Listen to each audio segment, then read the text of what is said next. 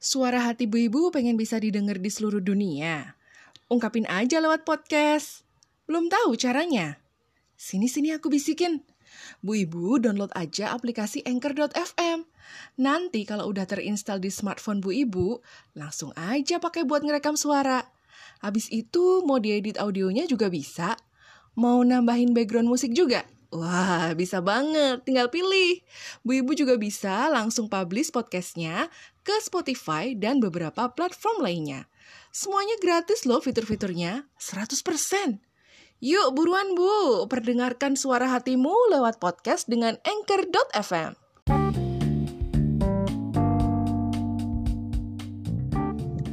Bu Ibu, makin mendekati akhir tahun 2022 nih. Udah ada persiapan apa aja? Mau liburan di kampung halaman alias mudik? Atau pengen liburan aja di luar kota? Menjelajah beberapa kota di Pulau Jawa barangkali? Ke mana Bu? Ke mana Bu? Ke Jogja? Wah ini sih kayaknya jadi langganan banyak orang ya Dan tiap liburan tuh Jogja tuh kayaknya selalu crowded ya Secara diserbu banyak orang gitu Atau barangkali mau ke Semarang, ke Surabaya, ke Malang, ke Madura atau mungkin mau ke Solo ya gara-gara tempo hari jadi tempat perhelatan besar nikahan anak presiden tuh di Solo kayaknya bentar lagi bu ibu juga banyak deh ya yang pengen liburan di Solo juga. Monggo monggo monggo bu. Enak kok tempatnya. Enak-enak juga makanannya loh. Sedep murah meriah. 24 jam selalu bisa nemu tempat buat makan. Mau menjelajah museum keraton atau pura mangkunegaran silahkan silahkan silahkan. Jangan lupa ya bu ke Solo pakai baju yang nyaman ya biar nggak kepanasan emang Solo tuh kadang-kadang bisa panas banget gitu, gerah gitu. Makanya juga kemarin cucunya Pak Jokowi aja sampai milih pakai kaos kutang siang-siang. Wes lah bu, buruan pesen tiket sekarang atau ajakin Pak So aja nih langsung buat ke Solo. Packing-packing sambil tak temenin yo. Ada Ibu Inung di sini di podcast Bu Ibu.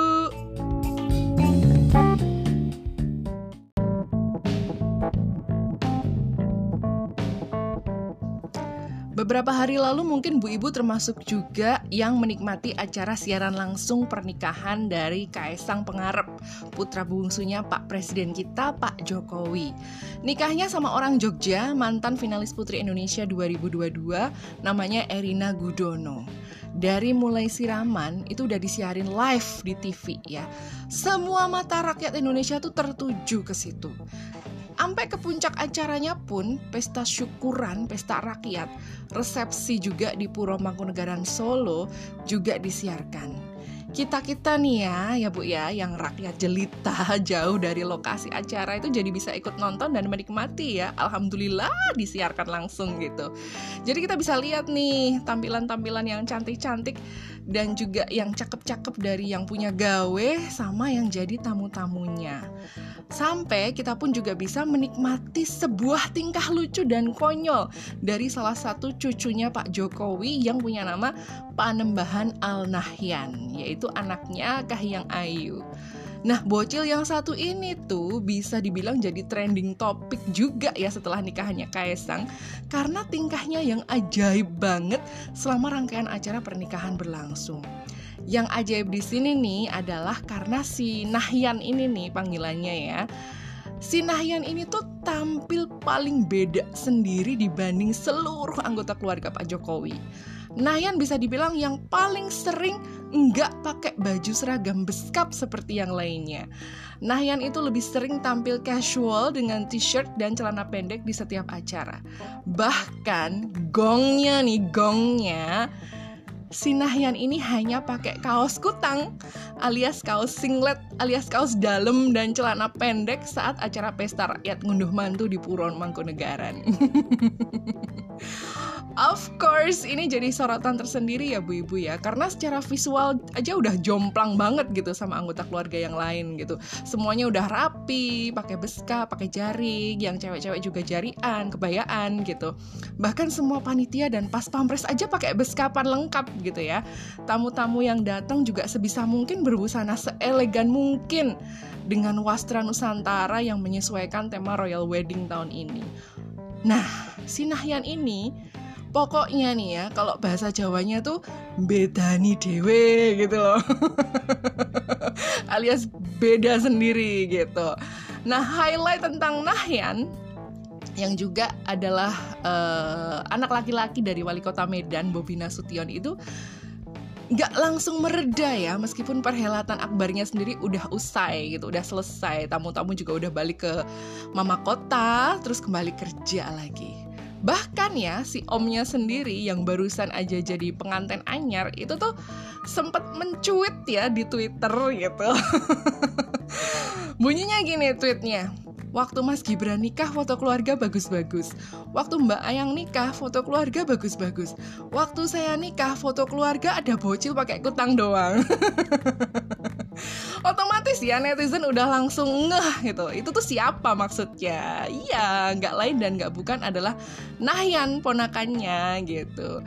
Aduh, Kaisang sabar ya. Tapi ya iyalah masa zamannya Gibran kan memang belum ada bocil ya.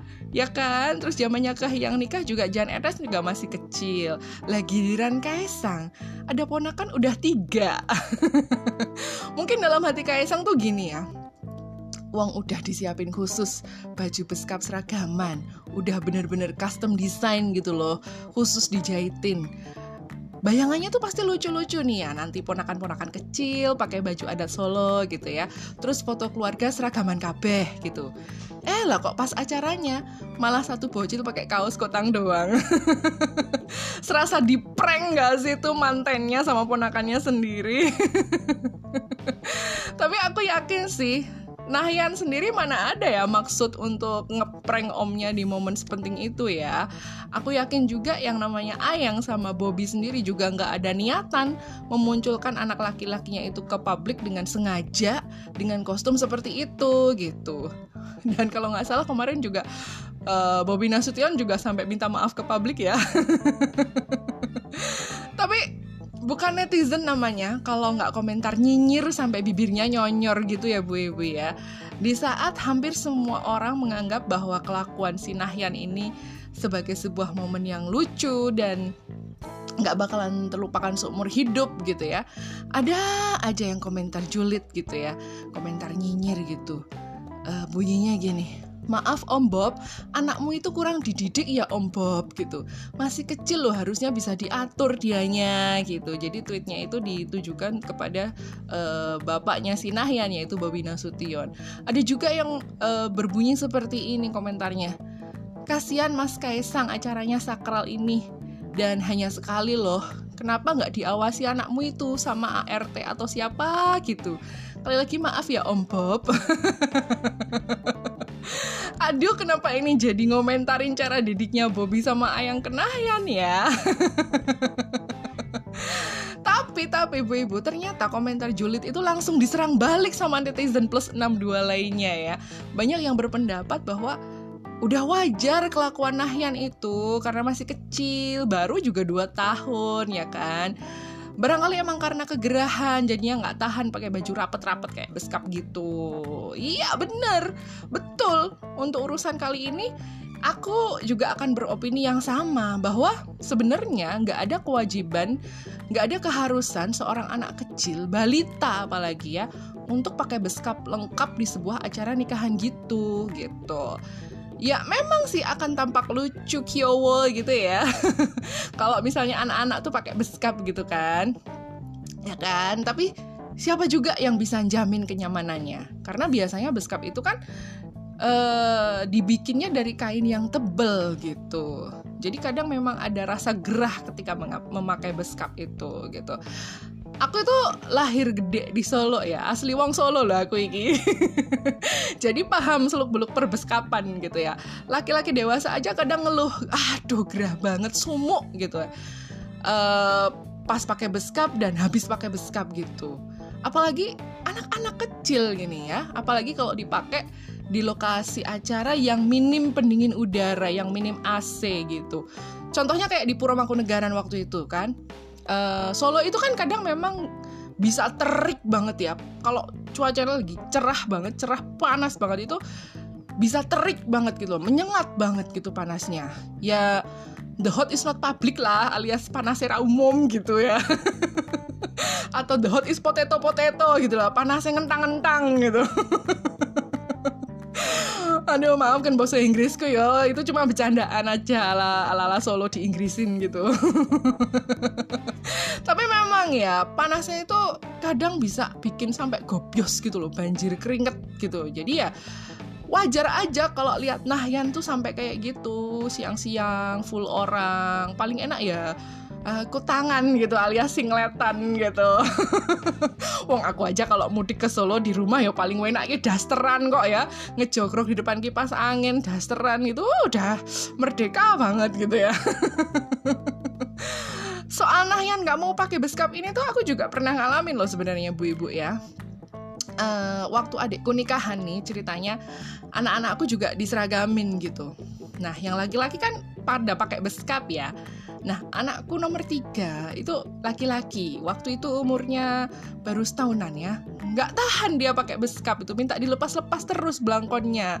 Terus uh, model beskap yang dia pakai itu kan beskap pangeranan ya, yang kayak jas itu loh. Nah, jadi kayak ada luar luarannya itu kayak jas gitu. Itu minta dilepas gitu. Dia nggak tahan gitu kan. Meskipun acaranya malam dengan cuaca yang uh, agak dingin ada angin malam gitu. Tapi dia nggak nggak nggak nyaman pakainya gitu ya. Ketika kami orang tuanya ngajak ngobrol dia dijelasin dipakai dulu ya sampai selesai gitu. Sampai selesai caranya. Cuma sebentar lagi kok sebentar lagi kok gitu kan.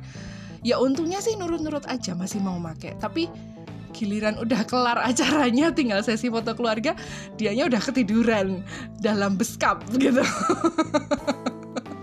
yo piye meneh ya jenenge yo cah cilik gitu kan. Ya kita harus maklum gitu. Nah soal seragaman keluarga mantan pas acara nikahan itu tuh bukan tentang beskap aja loh ya. Uh, Yang anak-anak perempuan kecil-kecil itu kadang-kadang juga nggak tahan. Harus pakai kebaya-kebaya gitu. Apalagi kalau kebayanya dari bahan yang kurang nyaman di badan ya. Entah itu bahannya tebel atau malah justru dari dari brokat tapi kan ada tuh brokat yang kasar kayak gitu. Anak perempuanku dulu waktu umur 4 ya kalau nggak salah itu juga nolak pakai baju seragaman keluarga, keluarga besar gitu. Uh, waktu itu dress code-nya hijau warnanya hijau gitu. Uh, dia nolak nggak mau nggak mau pakai baju seragamnya itu. Padahal udah dijahitin dress gitu buat dia uh, waktu itu bukan kebaya sih tapi kami yang perempuan itu pakainya uh, maxi dress gitu gamis lah gampangannya. Bahannya nggak tebel uh, bahannya semacam velvet kayak gitu justru jatuhnya tuh flowy gitu loh nyerap keringet gitu bagus deh dan model untuk anak perempuanku itu juga bukan yang dress panjang semata kaki gitu melainkan dress selutut model balon gitu kan kan buat anak balita ya biar biar memudahkan pergerakannya gitu. Tapi pas disuruh ganti baju dia tuh nolak bener-bener nolak yang sampai nangis kejer gitu kan. Dia maunya pakai baju dress batik yang sedang dipakai gitu loh yang nempel di badannya waktu itu ya. Ya mungkin karena memang lebih nyaman buat dia gitu. Yo wes jadinya apa? Jadinya ya kita berangkat ke gedung itu kan. Yang lain udah serba ijo-ijo kayak gitu ya. Anakku doang yang dressnya batik gitu. Tapi untungnya batiknya dia itu juga ada unsur warna ijonya ya. Jadi masih matching-matching aja gitu ya Jadi Bu Ibu, sebenarnya hal-hal seperti ini tuh sering terjadi ya, apalagi kalau kita punya anak atau ponakan yang masih kecil, masih batita gitu, masih balita gitu. Dan memang nomor satu untuk mereka itu adalah kenyamanan diri dulu gitu, karena bisa jadi nih ya, kalau misalnya kita pakaiin mereka uh, beskap atau baju adat lainnya, dan dia malah jadi sering cranky, sering rewel, karena gerah lah, karena gatel lah atau apa nantinya kita juga uh, orang tua yang ikut ngerasa nggak nyaman gitu. Niatnya kita mau menikmati acara atau mungkin malah kita juga disibukkan dengan uh, tugas kita sebagai panitia acara gitu ya, panitia nikahan.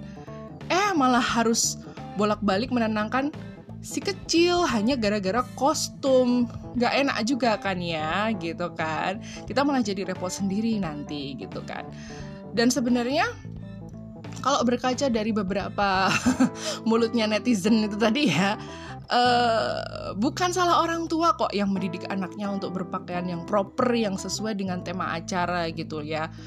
Uh, bukan juga salah orang tua yang sepertinya melakukan pembiaran terhadap kelakuan anaknya gitu. Tapi memang harusnya sebaiknya dilihat dulu konteksnya gimana gitu. Yang aku yakin sebenarnya bukan prank yang dimaksudkan oleh si Nahyan atau Ayang atau Bobby gitu. Mereka nggak mungkin punya niatan untuk prank kayak gitu kan. Karena kalau ngeprank kan sengaja dilakukan ya agar pihak lain tuh merasa terkejut, merasa terkecewa, bahkan mungkin merasa malu gitu loh.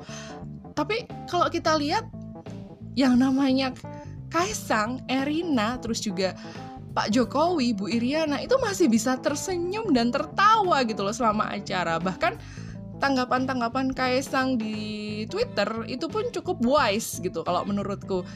Gimana dia ngadepin serbuan netizen dengan komentar apa pun gitu yang terjadi pas nikahannya gitu.